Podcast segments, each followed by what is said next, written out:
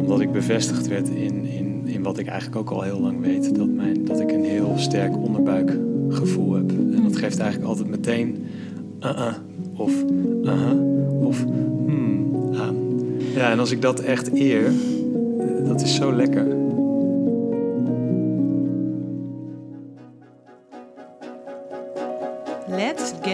Into it. De podcast over trouwleven en jezelf en je intuïtie. Mijn naam is Daan van Egelsson. En in deze podcast volg ik mijn brandende nieuwsgierigheid naar hoe mensen hun innerlijke stem volgen. Het thema intuïtie loopt als een rode draad door mijn leven. En ik ervaar het trouwleven aan mijn intuïtie als de meest spannende reis die er bestaat. Want hoe trouw en hoe echt durf je te zijn? Door met anderen hierover in gesprek te gaan, die er ook mee bezig zijn of flink in uitgedaagd zijn, merk ik dat ik verder kom. Ik luister, ik leer, ik deel mijn eigen ervaringen en ik ben vooral benieuwd. Hoe doen anderen dit? Trouwleven aan zichzelf? Samen weet je vaak meer dan in je eentje.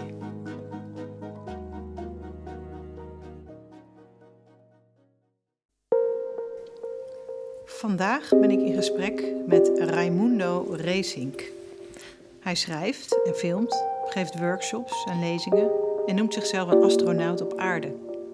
Iemand die vanuit zijn eigen nieuwsgierigheid de ruimte op aarde onderzoekt.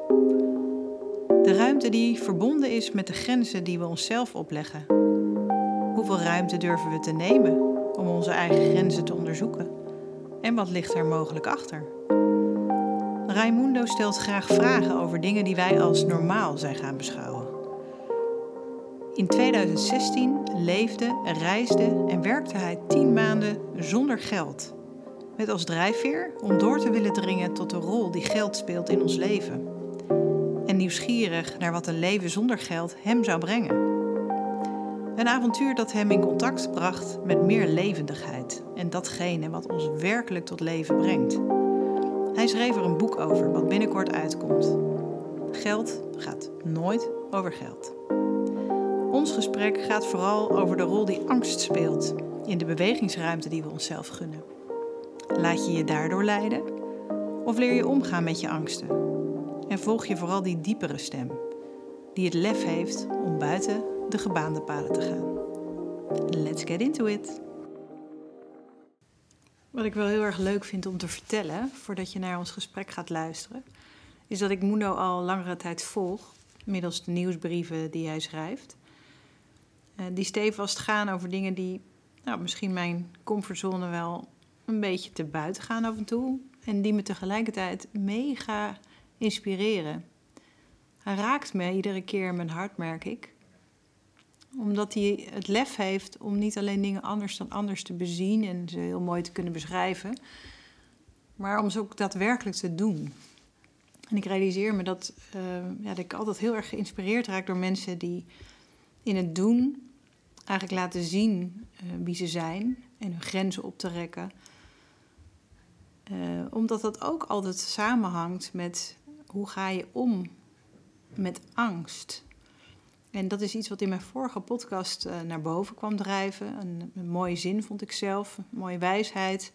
Die luidt: Angst is een deur waarachter iets te halen valt voor jou. Dat vond ik zo'n mooie zin en um, die maakt me nieuwsgierig ook, merk ik, naar de rol die we angst toekennen in ons leven. En vaak beweeg je, beweeg je weg van, van dingen die je spannend vindt. Maar hoe zou het zijn als je je angst ook ja, als een soort attractor nieuwsgierig zou kunnen benaderen, benieuwd kan zijn wat er achter die angst voor jou te halen valt. Dus dat is iets wat ik heel graag in ons gesprek verder wil verkennen. En heel benieuwd naar ben hoe dat bij Mundo ook uh, werkt. En tegelijkertijd merk ik dat de tijd waarin we met z'n allen terecht zijn gekomen ook heel veel te maken heeft met angst omgaan met angst, het proberen te controleren ervan.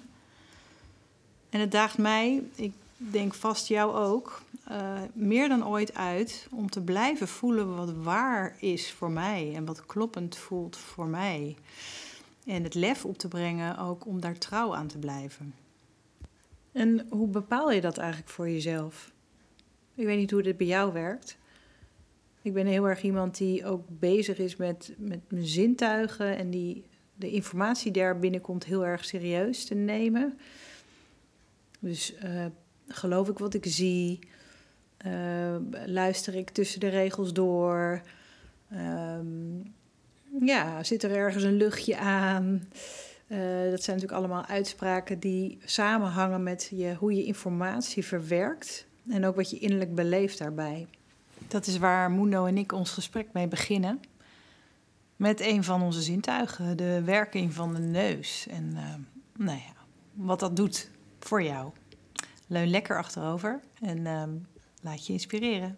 Zo weer toevallig dat ik daar gisteren met mijn dochter achter op de fiets hadden we het erover. Wat ik dan, als het dan zo geregend heeft, dan kan ik het zo lekker vinden ruiken. Toen zei ik, ik, volgens mij ruik ik echt meer. En, uh, en toen zei ze, ja, waarom was dat dan belangrijk? En toen zei ik, voor mij is geur ook een, is het oké of is het niet oké zintuig. Want als je eten, als je e- wil weten of eten hm. oké is, dan doe je dat, toch? Nou ja, de meeste mensen kijken tegenwoordig op de tenminste haalbaar topdatum. Ja, precies. maar oorspronkelijk, als, je het, als we dat niet zouden hebben, dan doe je toch. Is het oké? Nou, ik zou het ook weer heel gezond vinden als we dat ons uh, beslissingsmechanisme laten zijn. Als het bijvoorbeeld om eten gaat. Ja. Ik, ik heb nog bijna nooit iets gezien wat over de houdbuitendatum was wat niet oké was. Daar zit zo'n foutmarge in volgens mij. Ja. Ja, dus dingen weggooien omdat die datum erop staat. Ja. Nee, maar dat is inderdaad wel de, denk ik, een begin van iets wat je zelf doet of iets wat je van buitenaf tot je neemt. Dus een, een, datum is iets wat iemand anders heeft bedacht. En dan ga je, dat is dat je soort je betrouwbaarheid. Terwijl van binnen hebben we dus, we hebben allemaal zintuigen die ons helpen om dat te bepalen. Ja.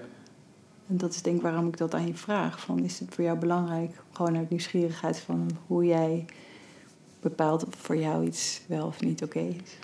Nou, als we het even heel letterlijk bij uh, voeding houden, maar ik vind het wel een mooie analogie met, uh, met het thema van jouw podcast. Ja. Um,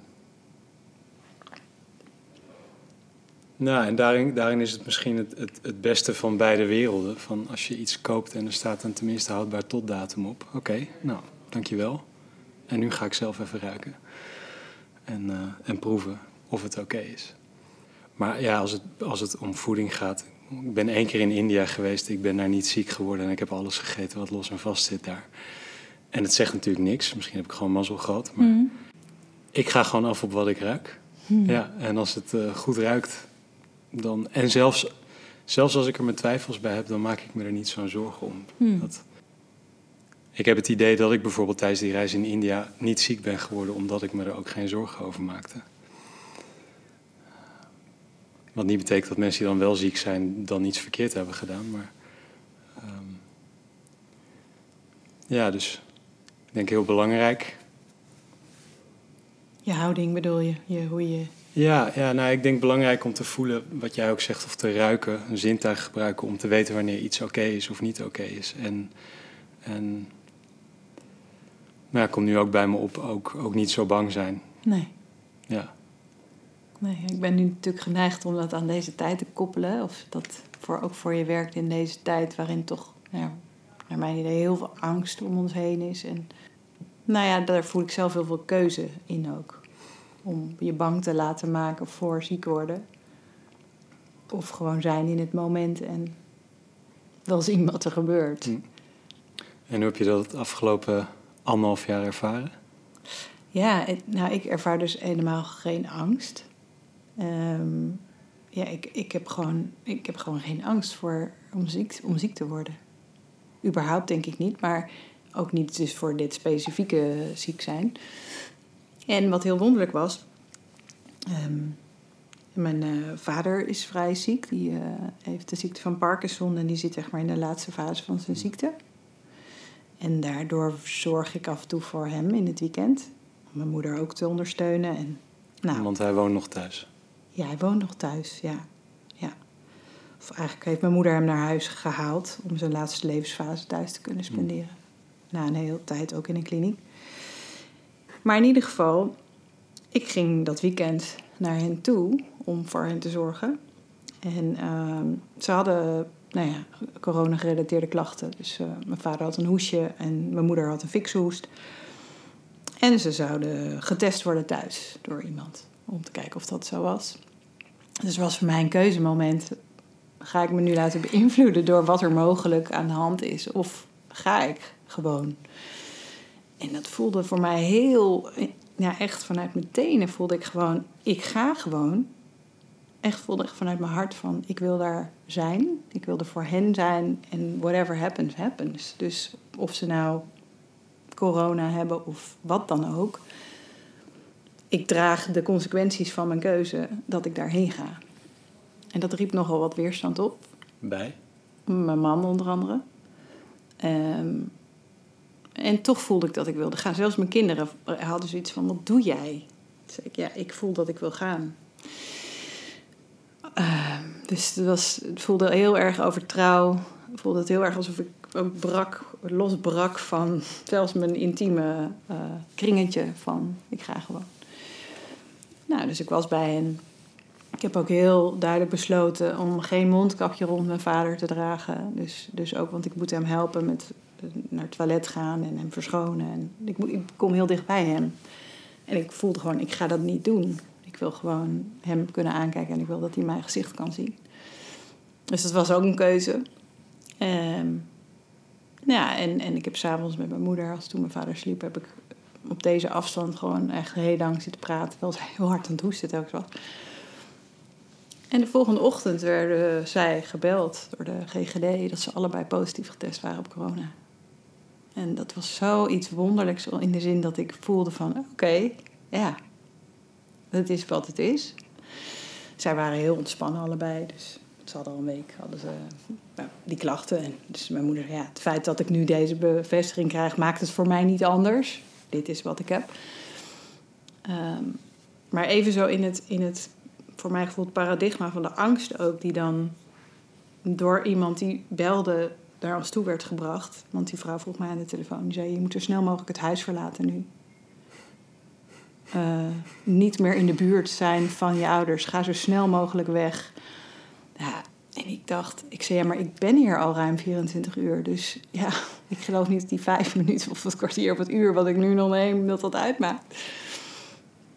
Maar dat kwam zo naar binnen in de telefoon. En toen voelde ik ook weer een keuzemoment van... Ik kon even zo het voelen opborrelen... omdat er een angst uh, zijn naar mij toe kwam. Van, ja, you gotta be scared now dacht gewoon, nee, ik ga dit gewoon niet naar binnen halen. Dus ik hing op. Ik bedankt haar vriendelijk voor, de, voor het advies. Voor het advies.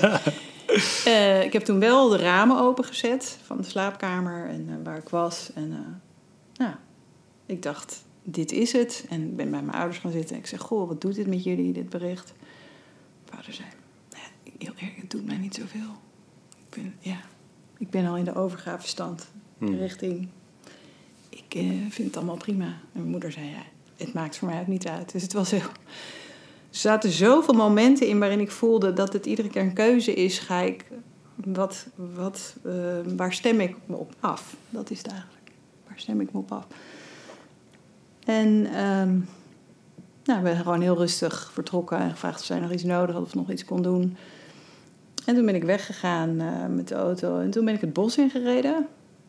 En toen heb ik een heel intuïtief ritueel gedaan. Maar ik weet, ik kan nog steeds niet reproduceren wat en hoe. Maar ik ben gewoon de natuur ingegaan op een plek waar ik echt wist, oh hier kom ik helemaal niemand tegen. Ik ben tegen een boom gaan zitten en ben gewoon contact gaan maken met de natuur. Ik ben gezond. Ik ben heel erg gaan afstemmen op mijn gezondheid. Ik ben gezond, ben gezond. Toen kreeg ik allemaal impulsen, dat was heel wonderlijk. Ik had zin om, om te dansen, ik had zin om gewoon me te bewegen en blij te zijn met mijn gezondheid. Alsof ik het bijna als een ritueel ging eren van... ik ben gewoon healthy, zo weet je. En het voelde heel, ja, hoe moet ik zeggen... vanzelfsprekend dat ik dat deed. En uh, ik heb het trouwens niet... Uh, ik heb het eigenlijk met niemand bijna gedeeld dat ik dit heb gedaan. Mm. um, maar toch voelde het gewoon als En toen ben ik naar huis gegaan en ja, toen ehm, ben ik vijf dagen in quarantaine gegaan thuis. Dus ik ben zeg maar in afzondering, of nou ja, afzondering, op afstand geweest van mijn gezin. Wel gewoon in huis en wel gekookt, en, maar ik heb apart geslapen. En ik heb hem niet, hen niet geknuffeld. En na vijf dagen heb ik een test gedaan en toen bleek ik negatief te zijn. Dus ik had ook nergens het idee dat ik het had meegenomen. En dit was zo voor mij een heel bekrachtigende ervaring in, nou eigenlijk wat jij ook zegt, dat ehm, die houding, ik had heel sterk het gevoel dat mijn houding me ook beschermd had. Zonder dat ik bang was. Ik voelde niet dat ik me hoefde te beschermen, maar toch voelde het wel dat dat, eh, dat, dat hierin heeft meegedaan. Want ja, als je de kansen, die waren natuurlijk enorm groot dat ik het wel had meegenomen. Door nou ja, alle handelingen die ik benoem. Maar Ik moet denken aan een verhaal dat ik zo wil vertellen. Ehm, maar om, om nog even specifiek hierop te komen, voor mij is dit, en nogmaals, het is, ik vind het wel belangrijk om een beetje weg te blijven van dat New Age gebeuren. Van oké, als je ziek wordt, dan heb je dat over jezelf afgeroepen. Dat zijn jouw negatieve overtuigingen, want dat is één, niet behulpzaam en twee, geloof ik ook niet dat het waar is. Maar, nee. maar het valt mij wel op dat ik ehm, helemaal toen het begon, ja, toen had ik ook wel zo even zoiets van, oh, waar hebben we mee te maken? Er komen verhalen vanuit Italië dat, ieder- dat mensen daar gewoon met bosjes tegelijk omvallen. Ja. Ehm, maar heel gauw ja, ging ik daar ook in ontspannen. En ehm, ik heb wel met respect naar andere mensen toe me gedragen. Dus ik, ik, ga niet, ik, ik heb niet Jan en allemaal geknuffeld en dan vervolgens zonder het te zeggen andere mensen te, te omhelzen. Mhm. Dus ik check het altijd wel. Maar ik heb, ik heb eigenlijk is mijn leven, ja, behalve dat ik op sommige plekken eh, een mondkapje op moest, Mhm. niet zo veranderd met, Mhm. het hele, met de hele komst van corona. En ik krijg dan regelmatig toch verhalen van mensen die gewoon echt heel voorzichtig zijn geweest. Ja. Echt heel voorzichtig. Mhm. Die gewoon ziek zijn geworden. Ja. Dus ehm, ja, ik vind wat jij me nu vertelt ook wel echt wel een mooi voorbeeld van wat vertrouwen kan doen. Mhm. En ik, ik moest denken aan eh, een verhaal van een vriend van mij, Frank van Haren. Die is in 2014 zonder geld op de fiets naar Santiago de Compostela gegaan. Mhm. Ehm, en ik heb hem leren kennen ehm, nou, ongeveer een jaar daarna. En hij heeft me later een keer verteld, vlak voordat ik op het punt stond om een tijd zonder geld zelf ook op pad te gaan. Eh, omdat ik toen voor de vraag stond van wat ga ik met mijn zorgverzekering doen. Ik had alles, alles opgezegd, alles losgemaakt. En, en toen kwam ik ineens dat thema zorgverzekering tegen. En toen merkte ik van, toen schrok ik even van, oh wow. En toen heb ik even, even zitten wikken en wegen van, nou ja, ik kan het aanhouden. En als ik me dan ingeschreven laat staan in Nederland, dan krijg ik zorgtoeslag. En dat cancelt elkaar dan net uit. Maar dat voelde niet echt als Mhm. helemaal dat experiment induiken. Dat voelde meer als zeggen van, ja, oké, ik ga het een tijdje zonder geld doen. Behalve op de gebieden waar ik het te spannend vind. Ja. Dus ik heb hem toen gebeld om te vragen van wat komt er bij jou op als je dit zo hoort. En hij vertelde toen dat hij jaren daarvoor ehm, naar Spanje was vertrokken en daar ook een tijd gewoond heeft en geen zorgverzekering had. En dat hij merkte, hij vond dat in het begin ook spannend, maar dat hij merkte dat hij wakkerder werd. Dat hij op een gezonde manier alerter werd. En dat hij ook eh, voelde van ik, ik, ik heb nu ook te vertrouwen op een heel ander vangnet dan waar ik op zou vertrouwen als ik die verzekering had. En dan zei hij ook bij van ik vind verzekeringen, ik vind dat niet per se verkeerd. Ik denk dat het ook goed is dat we elkaar kunnen opvangen. Mhm. Ehm, alleen hij vond het heel frappant om te merken dat zijn hele, ja, gewoon zijn aanwezigheid in het leven, zijn alertheid en zijn vertrouwen gewoon veranderde doordat hij dat even los had gelaten. Ja, het is ja, bijzonder wat je vertelt. En ehm, ook wat dat doet inderdaad. Als je daar niet meer eh, ja, op leunt misschien. Of ik weet niet hoe je dat ervaart of ervaren hebt. Die keuze van hem. Nou, het, het verhaal had nog een, nog een tweede deel wat ik, eh, wat ik eigenlijk, wat me toen het meeste raakte. Want ik had hem dus aan de lijn. Dit was echt daags voordat ik eh, echt, echt dat zonder geld ding ging doen. Ehm, hij vertelde, voordat ik naar Spanje ging, ehm, was ik bij de tandarts. En ik had al jarenlang, elke keer dat ik bij de tandarts was, was het gewoon hommeles. Gaten, er moest geboord worden, moest opgevuld worden. En ook deze keer was het weer raak. Mhm. En zei de tandarts, Frank, die kies, we moeten, daar, we moeten erin boren. En Frank heeft toen gezegd van nee, gaan we niet doen. Niet meer boren? En die tandarts zei, nou, dat snap ik echt niet. Want jij gaat dus nu naar Spanje en ik zie je een tijd niet en je gaat daarmee weg. Hij zei, ja, ik, ik wil dit gewoon niet meer. Hm. Hij is uh, 16 jaar later volgens mij voor het eerst weer bij diezelfde tandarts gekomen. Is in de tussentijd geen één keer bij een tandarts geweest. En, uh, wel aan hygiëne gedaan? Of? Ja, wel gewoon voor zijn tanden gezorgd. Oké, okay, ja. En, uh, en hij gaat in die stoel zitten en uh, doet zijn mond open. En de tandarts kijkt naar binnen en schrikt zich gewoon helemaal een ongeluk. Hij zegt, Frank, wat heb jij een onwijs sterk gebit. Wauw.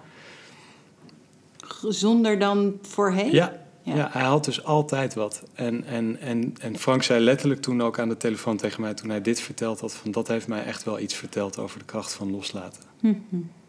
ja, en dat sluit heel erg aan op wat jij net zegt... op wat, ja, komt nu, die woorden komen nu bij me op van wat wordt er in ons wakker op het moment dat wij datgene waar we altijd op leunen durven loslaten.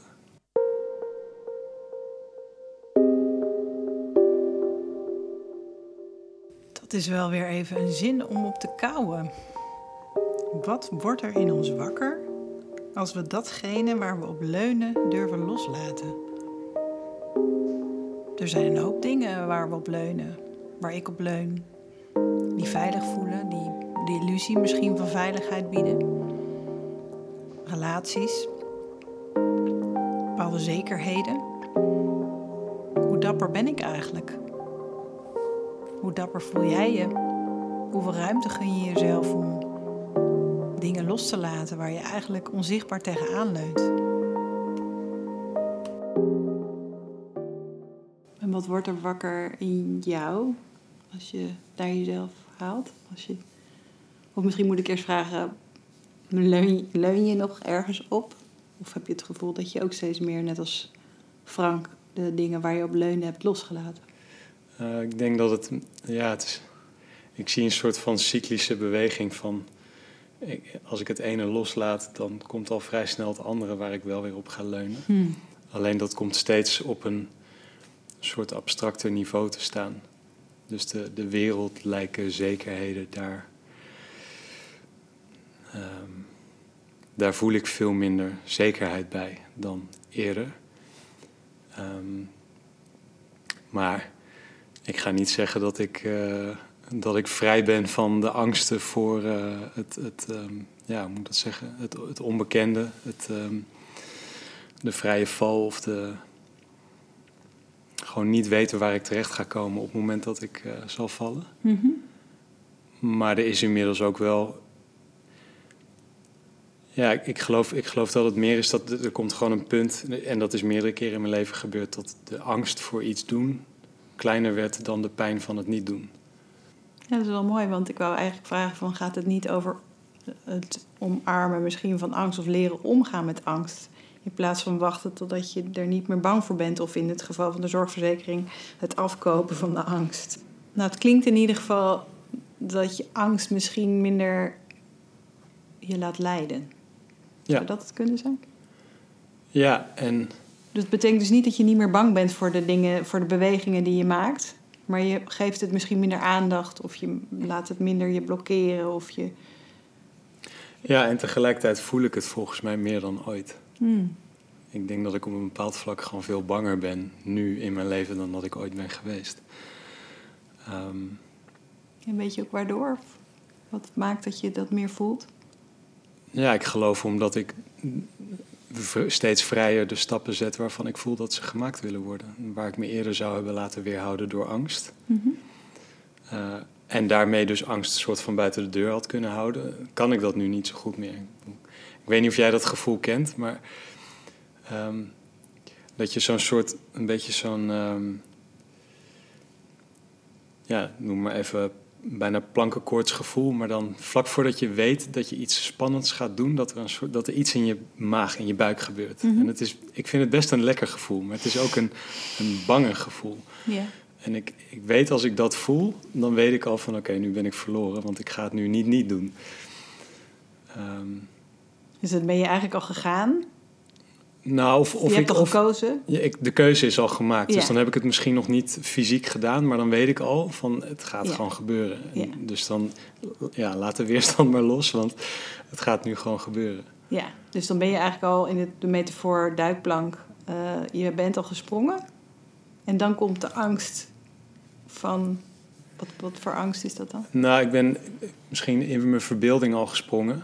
Oh ja. Ik moet denken aan wat Eckhart Tolle een keer, ehm, eh, vond ik heel mooi, zei. Hij heeft heel veel naar katten gekeken in zijn leven. En hij, hij vertelde op een gegeven moment dat hij een keer een kat voor een hek zag zitten. En, en dat hij die kat echt best een tijdje zo naar boven zag kijken. En, en dat hij in zijn waarneming kon zien dat de kat zichzelf daar al boven op dat hek had geplaatst voordat hij was gesprongen. En toen sprong hij in één keer. Wauw. En, en daar ging dus echt een tijdje overheen. Het is niet zo dat die kat zo komt aanlopen en dan hup, bam, er zo opspringt. Maar ehm, ja, de kijken. intentie was er. Mhm. De kat zat er al helemaal met zijn geest en zijn, zijn niet-fysieke wezen. En daarna kwam het lichaam er soort van achteraan. Dus dat, dat is een beetje het moment waar ik het volgens mij over heb. Ja, dus dat je wel fysiek nog ergens op een veilige plek bent. Ja, ja de niet gesprongen plek. Maar in je geest heb je de beweging al gemaakt en Ja. dan voel je die angst. Ja. Ja. Ja, en ik, ik, ik denk dat dat een moment is dat heel veel mensen herkennen. En ik heb het ook heel vaak in mijn leven gehad dat ik dan alsnog mezelf weer terug heb gehaald naar de duikplank, omgedraaid ben en weer de trap afgelopen ben. Oké. Maar ik kan dat, ik kan dat niet meer. Dat doet. Het doet op- teruggaan bedoel je, ja, kan niet dat meer. doet op een positieve manier te veel pijn. Hm. Ja. En dat wil dus niet zeggen dat je daarmee niet meer bang bent. Nee. Want je zegt, ik Nee. voel het nog meer misschien wel dan voorheen. Ja. En wat is er dan veranderd mm, tussen jou en angst? Dus in de dynamiek jij en angst. Waardoor je er gewoon nu iedere keer wel voor gaat. Dat ik er meer van ben gaan houden. En dat ik het als een, eh, als een wijze raadgever ben gaan zien. Ehm, want gezonde angst kan ook betekenen dat ik, dat ik voel dat ik niet dat steegje in moet lopen. Mhm. Ehm, maar, en ik weet dat ik dit niet. ehm, ja, wij, leven, wij leven in een, in een schijnbaar vrij veilige wereld. ehm, waarin we ons niet zoveel zorgen hoeven, hoeven te maken over eh, wat er achter ons loopt, gemiddeld genomen. Mhm. Dus ik weet niet hoe doorleefd ik dit kan zeggen. Ehm, ik weet niet eens precies wat ik wilde zeggen over hoe doorleefd ik dit Nee, ik kan vroeg naar zeggen. je relatie met angst en hoe, hoe- of die veranderd is inderdaad. En dat je, jij zei, ik, ga, ik ben er meer van gaan houden. Ja, dus Eh, ik, oh ja nou, dat, dat brengt me bij dat, dat, dat ik zeker angst in, in de maatschappij waar wij in leven is gewoon een teken van. Ja, het kan of zijn het verhaal wat jij net vertelde over corona, besmettingsgevaar, dat soort dingen. Ja. Ehm, ja, een prachtvoorbeeld. Jij voelt dat je iets te doen hebt. Mhm. En ehm, ik weet niet, ik kon niet uit je verhaal opmaken. Ik geloof niet dat je jezelf daarin echt bang hebt gevoeld. Maar Nee. als je zelfs van de drie mensen met wie je elke dag je leven deelt, krijgt te horen van hé, maar wat ga jij nou doen? Mhm. Dan, ehm, ja, dan stelt je jezelf dat wel even voor, zoals je het zelf zegt, het keuzemoment van ga ik nou links of rechtsaf of rechtdoor. Ehm, en het is die, ja, ik kom dan weer bij, bij, bij, bij die, zeg maar, die draaikolk in mijn buik. Dat is een soort van het perfecte samensmelten van de angst en het verlangen. Hmm. En, en ik weet dat ze dan samen gaan, want het, ja, En horen die bij elkaar? Voor jouw gevoel, angst en verlangen? Want je noemt een heel mooi, je, je schetst een heel mooi beeld van een draaikolk in je buik. ja. Waar angst en verlangen allebei lijkt te zijn. Is dat inderdaad een duo? Nou, het antwoord dat nu bij me opkomt is, dat is misschien vooral in het begin zo, wanneer je, wanneer je meer naar jezelf gaat luisteren en eerlijker durft te worden naar de beweging waarvan je voelt dat die gemaakt wil worden. Dus ook als ik zeg dat ik banger ben dan ooit, ehm, is het, ja, het heeft ook iets.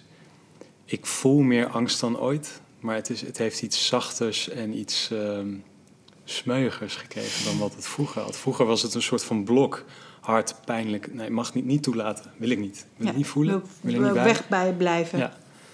ja. Ehm, waardoor het alleen maar groter wordt. Ja, Ja, dus het is aanweziger en tegelijkertijd zachter en kleiner geworden. omdat jij het toestaat er Ja. te zijn. Ja, en ik, ik, ik geloof dat ik het ook nog heel vaak niet toesta. Hmm. Dus eh, ik vind het bijvoorbeeld ik vind het heel fijn om alleen te zijn. Ik vind het soms ook heel moeilijk om alleen te zijn. Hmm. Ja, en op dat soort momenten weet ik dat dan is er een angst die gevoeld wil worden voor de leegte van het alleen zijn bijvoorbeeld. Ja. Ja, en soms schiet ik ook gewoon nog in de vluchtpatronen die, eh, die mij ervan weg kunnen houden. ja, om het echt te voelen bedoel je? Ja. ja. Ja. Dus het Ja, klinkt ook komt- als een pad om op te lopen. Om daar steeds meer je voor open te stellen. Voor wat die angst je dan te vertellen heeft. Ja, ja en ik, ik, ik denk dat dat ook lagen kent. Hmm. Dus, ja. Ehm, en, en wat er net ook nog bij me opkwam is, ehm, dat is ook een van de redenen dat ik het nu al heel fijn vind dat we dit gesprek aan het voeren zijn. Hmm. Dat eh, het kan best een eenzaam pad zijn.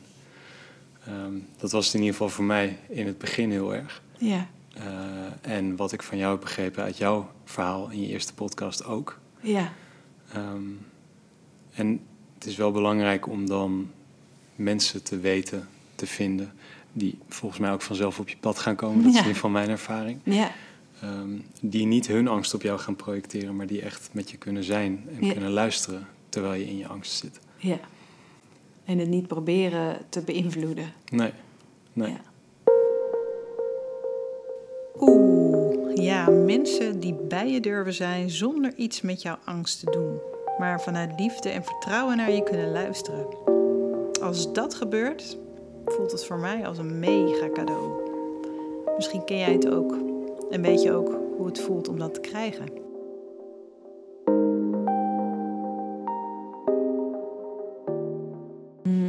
Nou, ik herken heel erg de, de dynamiek van dat angst inderdaad. eh, ja, vriendje voelt dat het een beetje jeuk. jeuk eh, eh, maar iemand heeft mij ooit een metafoor gedeeld en die heb ik altijd onthouden, omdat die voor mij werkt.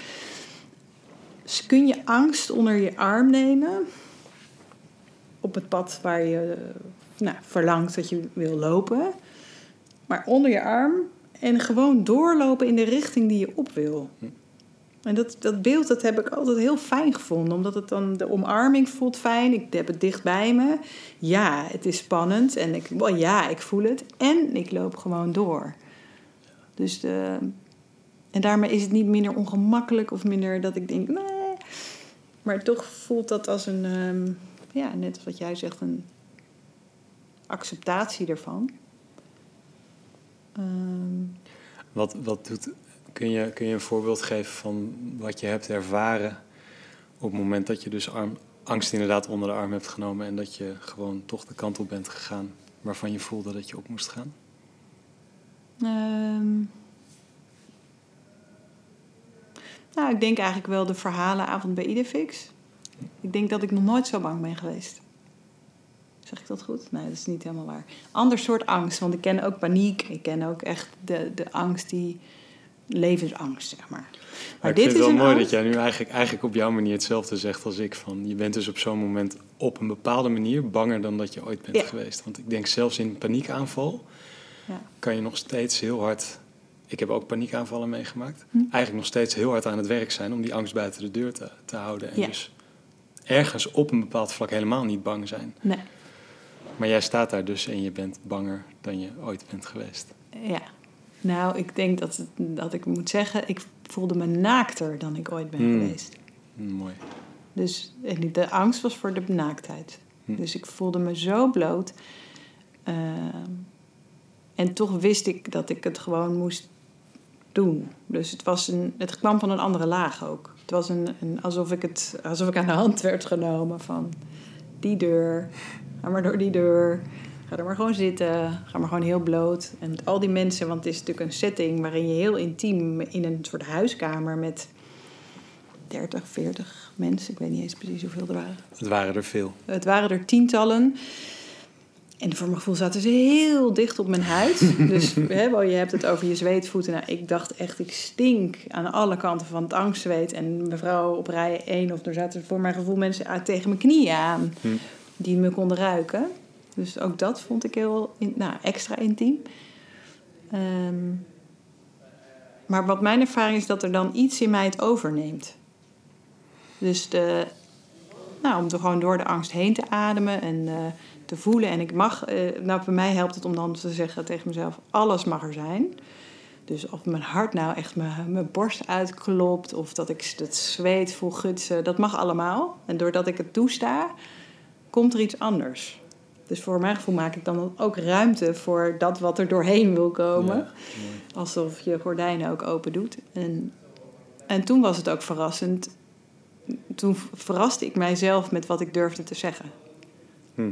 Dus toen kwam ik ook bij een intimiteit bij mezelf. Dat ik dacht, wow, ik vertel het nu zo intiem. Ik heb nog nooit zo intiem dit verteld. Ehm, en dat is dan het verhaal, eh, eh, zonder in het verhaal te duiken. Maar het is zo intiem omdat het over een, een ziek kind gaat van ons. Ehm, waar ik me zo machteloos heb gevoeld en zo alleen. Ehm, en dat vertelde ik aan deze mensen.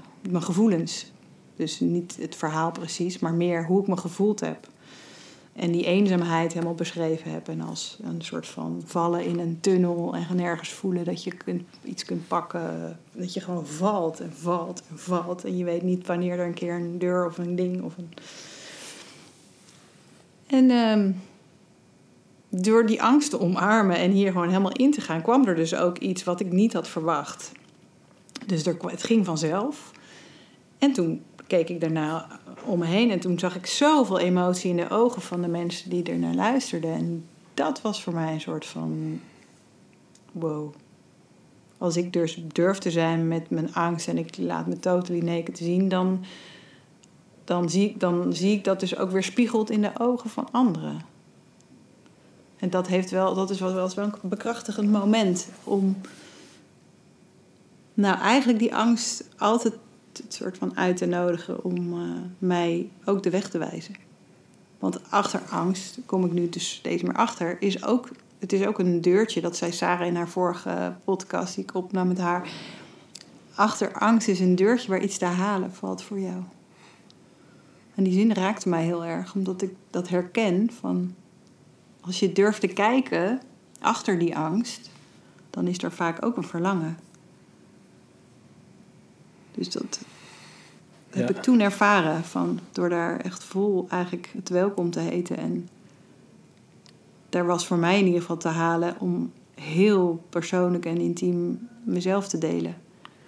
Wat ik is dat voor het eerst dat je dat, dat, je dat zo... eh, ja, het, het, Engelse woord profound komt bij me op. Heb Ja. meegemaakt? Ja, nou in een groep. Hm. Ja, Want zo één op één, dat ja. vind ik wel, dat kan ik wel. Dat, is, dat was vertrouwder. Maar een verhaal, ik ben sowieso geen zender. Ik hou niet van zenden in. in nou ja, ik hou van interactie. Dus überhaupt een uur, of weet niet meer, voor mijn gevoel duurt het ongeveer een uur, de tijd nemen om mezelf te delen zonder te weten wat er aan de andere kant gebeurt, dat was nieuw. Omdat ik dan altijd benieuwd ben, wat gebeurt er, of wat doet het met jou. En ja, dat maakte het voor mij extra.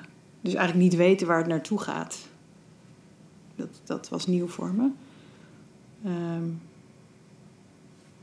ja, dus dit, was wel iets voor het eerst, ja. Voor het eerst eigenlijk in een soort vrije val gaan met, met een heel persoonlijk verhaal. Ja, ik, ik, ik, ik voel een warme gloed in mijn borst terwijl ik je hoor vertellen. Omdat ik, Hm. ik, terwijl ik je zo hoor, word ik zelf ook naar een aantal ervaringen teruggebracht. Die heel herkenbaar zijn. Die hierop lijken? Of? Ja, Ja? ja? Ja, ik heb eind 2014, eh, dus dat is nu bijna zeven jaar geleden, heb ik... eh, ik was toen al een tijdje een, een boek aan het lezen, Sacred Economics van Charles Eisenstein. Mhm. En ik was op dat boek gekomen eh, omdat zijn naam een keer gewoon in één keer bij me opgevloept was... nadat ik jarenlang die naam ergens op een achteraf to-do-lijstje had gezet. Ik het altijd te druk had om eh ernaar te kijken. En ik, ik wat dingen in mijn leven had veranderd en zijn naam ineens opkwam. En ik een filmpje van hem vond op internet dat me echt diep raakte. In iets wat ik eigenlijk mijn hele leven al gevoeld heb, maar waarin ik nu gevalideerd werd. Dus dat raakte je heel sterk. Ja, en ik heb toen meteen zijn boek besteld en ik heb eh, een ruim een jaar erover gedaan om dat boek uit te lezen. En toen ik zo in de laatste hoofdstukken kwam, toen werd ik zo gewezen op. ehm, ja, het is grappig. Ik hoorde je net zeggen over eh, angst is een deurtje waarachter iets te halen valt. Dat ehm, ehm, het, het doet mij nu ineens denken aan het, aan het geven en ontvangen. Mhm. Dat eh, we volgens mij heel vaak bang zijn om iets te doen. Want dat betekent dat we misschien iets kwijtraken en niet gaan krijgen waar we naar op zoek zijn. Maar ik, ik ben toen in één keer vrij gewoon heftig, ja, heftig fijn door dat gat heen gezakt. En kwam ik in de ruimte van, hé, hey, ehm, ik heb hem helemaal niet te wachten totdat het leven mij de dingen gaat geven, zodat ik kan geven wat ik te geven heb. Ik heb te geven wat ik te geven heb. En dat is het leven, dat is het ontvangen. Ehm, Wauw. Ja, stel dat we niet langer wachten totdat we krijgen waar we eigenlijk naar op zoek zijn, maar gewoon geven, vanzelfsprekend, wie we zijn, waar we goed in zijn, zonder er iets voor terug te verlangen. Wat een bevrijding zou dat zijn.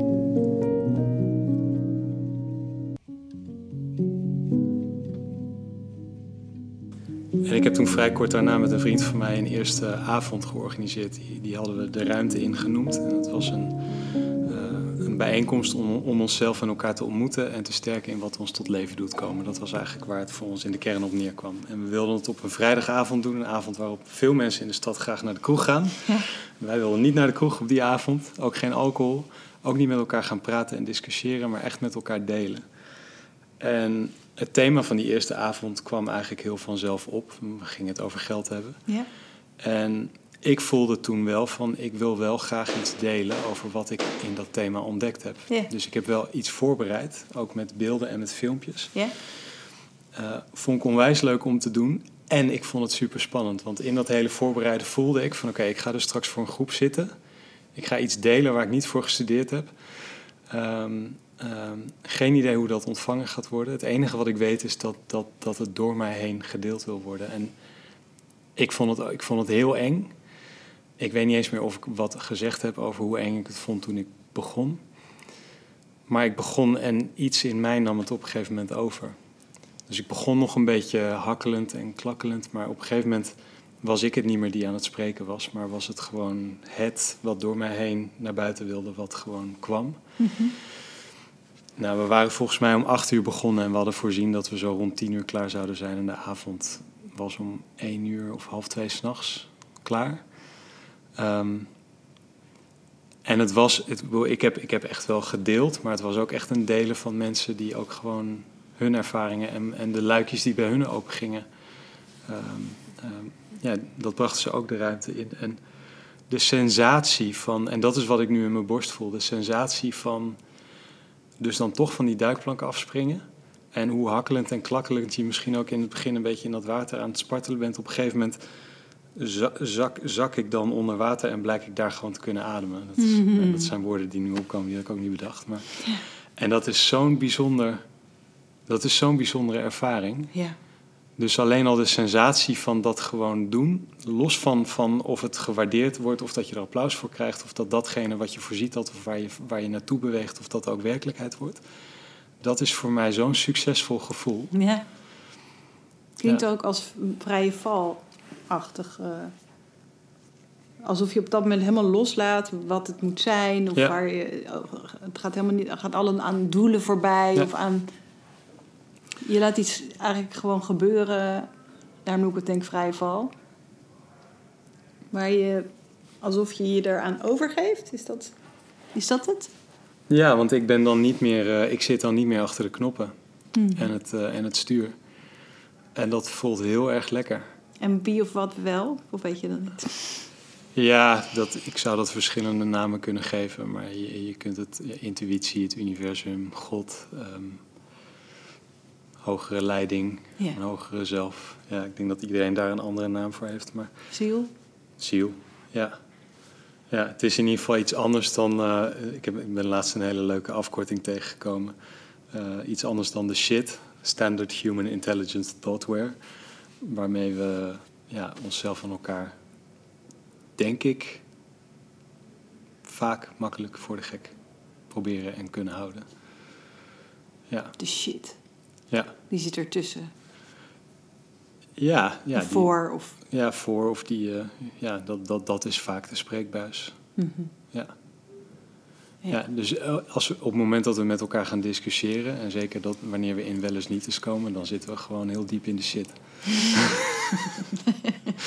ik doe het ook nog wel eens, maar ja, ik zie ook wel steeds duidelijker van dat is gewoon shit. Hmm. Dat is niet echte communicatie. Wat een mooie uitnodiging. Als je ziel aan de knoppen mag gaan zitten. In plaats van de shit die we er met alle goede bedoelingen voor hebben gezet. Ik ben uh, intens dankbaar voor dit mooie, open en kwetsbare gesprek met Raimundo. Er is nog een deel 2. We waren nog lang niet uitgepraat. Dus als je zin hebt, luister dan lekker verder eh, in de volgende aflevering van deze podcast.